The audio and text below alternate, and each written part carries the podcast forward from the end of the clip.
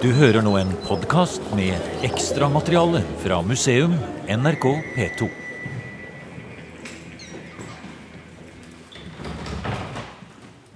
Men over til den tekniske siden ved dette. Vi snakker jo da om størrelse, vi snakker om lengde også. Hva kaller du egentlig på si skaftet her? Hva heter det egentlig på fagspråket? Ja, vi kaller på vi har, Stilken? Ja, stilk, rett og slett. Det Ja. kommer jo, De mest fleste av uttrykkene våre er jo fra engelsk og Mhm. også hollandsk. da. Men den er jo veldig lang. Og hvorfor er den det i begynnelsen? Altså, Er det bare rett og slett for å kjøle ned eh, tobakksrøyken før den kommer inn i munn og lunger?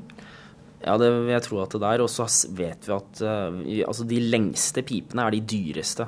Så det kan tenkes at det er Status. litt status her inne i bildet også. Pluss at det, ved å bruke en så lang pipe, så må man også bruke den ene hånden veldig aktivt med å holde den, og kan altså ikke da være opptatt med arbeid samtidig. Så det er et uttrykk for luksus. Jeg behøver ikke å gjøre noe annet enn å røyke. Ja, det er et sånt overskuddsfenomen, vil jeg si. Ja. Ja. Men hvor, når kommer de forskjellige typene fram? For jeg vet jo, Å, se her! Her ligger det en helt annen type. Den er meget kort, da. Ja, den er jo ganske ny. Den er funnet på Nyland verksted, så den er antageligvis fra altså, slutten av 1800-tallet. Funnet sammen med altså, et industrilag. Da. Den er jo ikke den- større enn en sigarett. Den er veldig kort, øh, og øhm, det, den kalles cutty. Det betyr vel kort, og den skal bare den, Vi kjenner til at, den, øh, at du kan ha den i munnen og røyke, og så samtidig ha henda fri til å jobbe. da, Hvis vi er på Nyland verksted også, så kan man jo kanskje tenke seg at noen har Mm. Hvis du legger den opp i hånden din her, skal vi kjenne på tyngden. Nå skal jeg bare si ord. Mm. Ja, han veier litt, men det er ikke mer enn en et par fjær, holdt jeg på å si. Så, så den kan man sikkert ha i munnen uten, å, uten at man behøver å støtte den og legge den forsiktig ned på bordet igjen her. Eh, mens de andre jo selvfølgelig blir eh, tyngre og helt annerledes, og man må støtte dem opp, ja. Ja, jeg tror, Det er egentlig fint at du sier, fordi at øh, når vi hadde disse her 1600-tallspipene ikke sant, og den, øh, der, øh, den vågale eventyreren og den machokulturen, så har jeg den engelske pipa jeg snakka om, som har da så munningshodet parallelt med stilken, og veldig lang, lang stilk, da, hvor du må, er nødt til å, å sitte virkelig og støtte det opp. Det fins jo masse bilder av, av det. Um, da er det, det er en litt annen mentalitet som øh, tiltrer. Eh, det handler om eh, altså den eh, distingverte herremannen, egentlig, eller respektable herremannen, hvis vi kan kalle det det, fra den vågale eventyreren. Og istedenfor drikkesanger og bordeller og utskeielser fra 1600-tallet eh, med Og det å erobre, da. Nå setter jeg det litt på spissen, men hvis vi tar hvis vi er Marlboro Man vi snakker om, alle er ikke sånn, og det fins mye rart på 1700-tallet også, så er idealet noe annet altså på 1700-tallet. Den respektable herremannen. Eh, da er det, det er kaffehusene. Man drikker kaffe, altså ja, edru, og røyker tobakk. Og det man gjør, er jo på en måte å foredle intellektet, hvis man har det. da. Så- man kan si at i tobakkrøykingens historie, som vi ser reflektert i pipenes fasong, størrelse og utforming her, så går det altså fra å være, i hvert fall i noe av funnmaterialet her, altså eh, alminnelige menneskers trang til å rett og slett eh, døyve sult og hunger, eh, fordi det er en av tobakkens, eh, nikotinens si, effekter. altså Man er ikke så sulten når man røyker, kanskje så går det over, som du sier, til å være et symbol på den distingverte herre. Det flytter seg altså på en måte oppover, da, kan man nesten si, i samfunnslagene, før det da i vår tid er det motsatte som skjer. Ja, og så tror jeg også vi har, eh, vi har nok med flere, flere ulike mentaliteter ute og går samtidig, men eh, som et sånt, eh, sånn hovedideal, da, så vil jeg si at det er det som eh, gjelder. Og eh, den der respektable herremannen, han har jo Det er jo som man, diskuterer diskuterer forretninger og eh, så det, Du kan jo på mange måter si at det, typen eller formen på pipa også er lada med eh, symbolske kontekster, da. Eh, så er det å prøve å knekke hvilke der. Man kommer kanskje ikke helt fram, men man kan få et Eller jeg ser for meg at man kan er inne på noe her, da. At du da ut ifra gjenstand også på mange måter ser et generelt trekk i samfunnet. Spennende. La oss eh, nå benytte anledningen når vi har en eh, ekte anførselstegn pipolog her. og Vi står altså da i en av de flotte rommene her på Norsk Maritimt Museum og ser hele Fjord-Oslo rundt oss her. Og rett bak oss der inne er jo funnstedet også, så det er jo et perfekt sted å vise det frem. Her har du da lagt fram en hel masse forskjellige typer. La oss nå, Jørgen, få høre, forklare oss litt om de forskjellige grunntypene rent skjematisk sett. Hvis du skulle sette opp en typologi han nær sagt, på eh, krittpiper. Altså de første frem til eh, de går av bruk. Hva kjennetegner da disse pipene?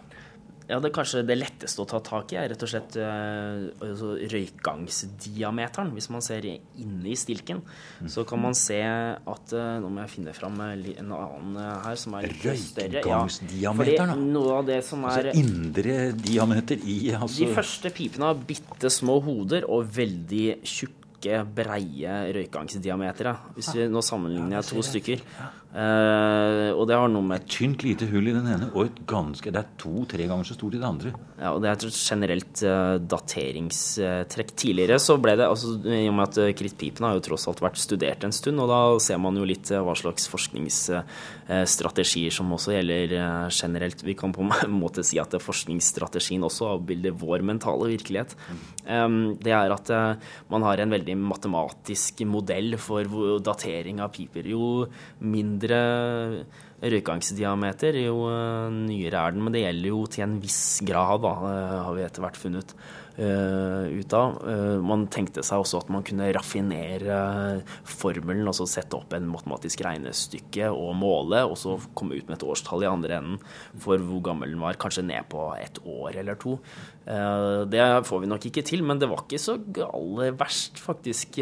Det stemmer overraskende bra. Og jeg har egentlig Dette kalles jo mm, prosessuell arkeologi, hvor man bruker mye naturvitenskap og matematikk og et veldig logisk positivistisk eh, syn da, på, mm, på, på, vitenskap. Eh, men det har jo kanskje litt for seg. I hvert fall er det litt skummelt å bare forkaste det i seg selv. Det er jo ikke noe så veldig logisk. Så jeg har i hvert fall jeg har målt alle røykangsdiameterne og satt i et system og se om jeg ser Og det stemmer sånn noenlunde, eller? Uh, Ut ifra Jeg har rundt 1000 stilker fra senketunnelprosjektet, og der det, har jeg et bredt uh, spenn, tidsspenn.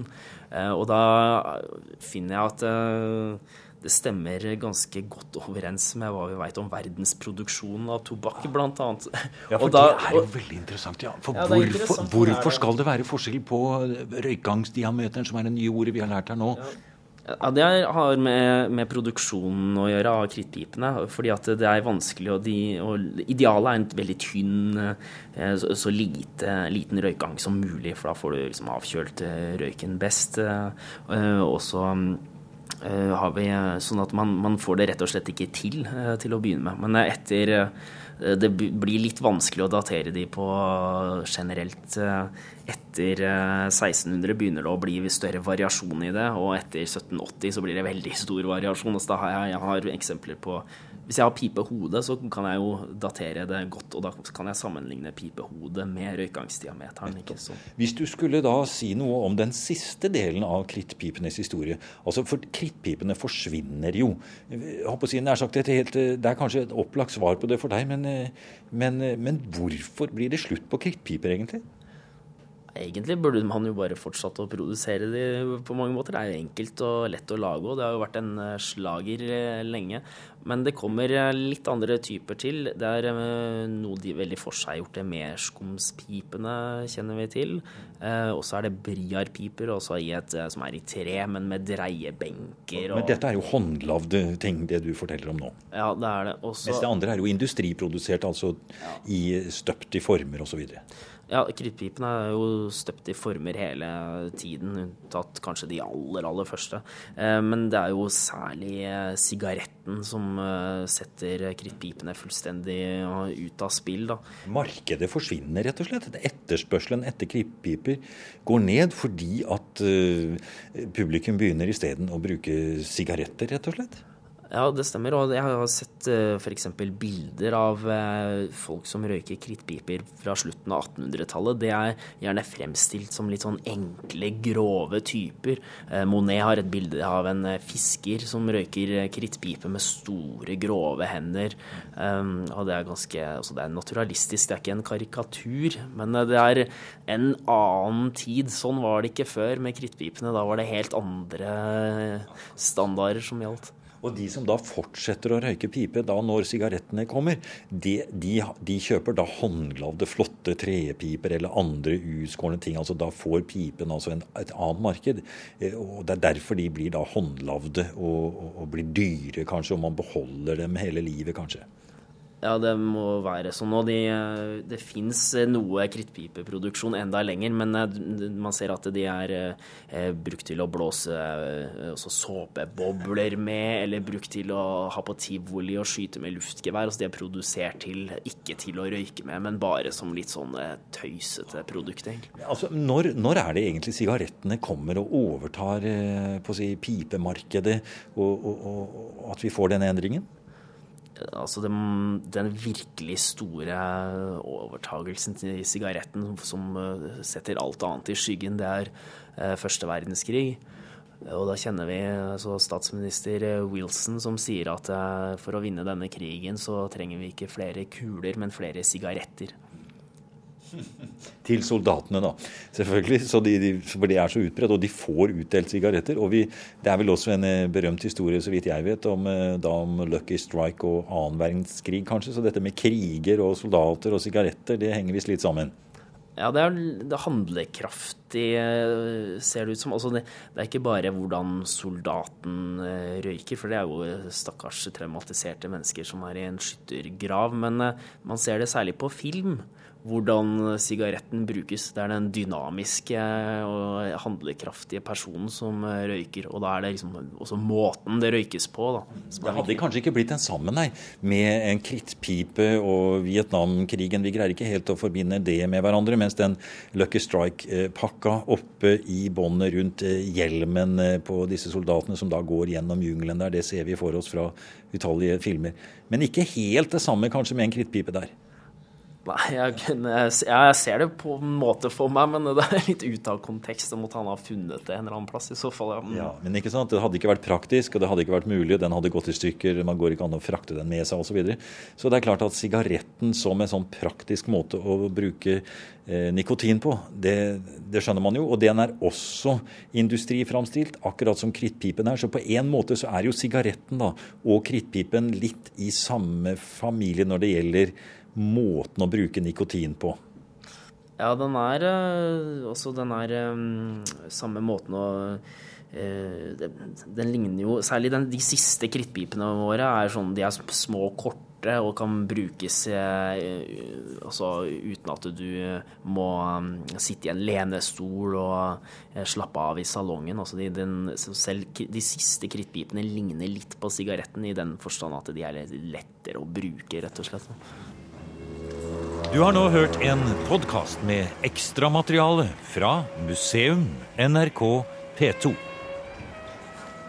Museum sendes i NRK P2 på lørdager klokken 16.03 og søndager klokken 08.03. Hvis du vil, kan du abonnere på Museum podkast i iTunes. Jeg vil gjerne ha dine synspunkter på programmet. Send kommentarer eller tips til museum nrk.no.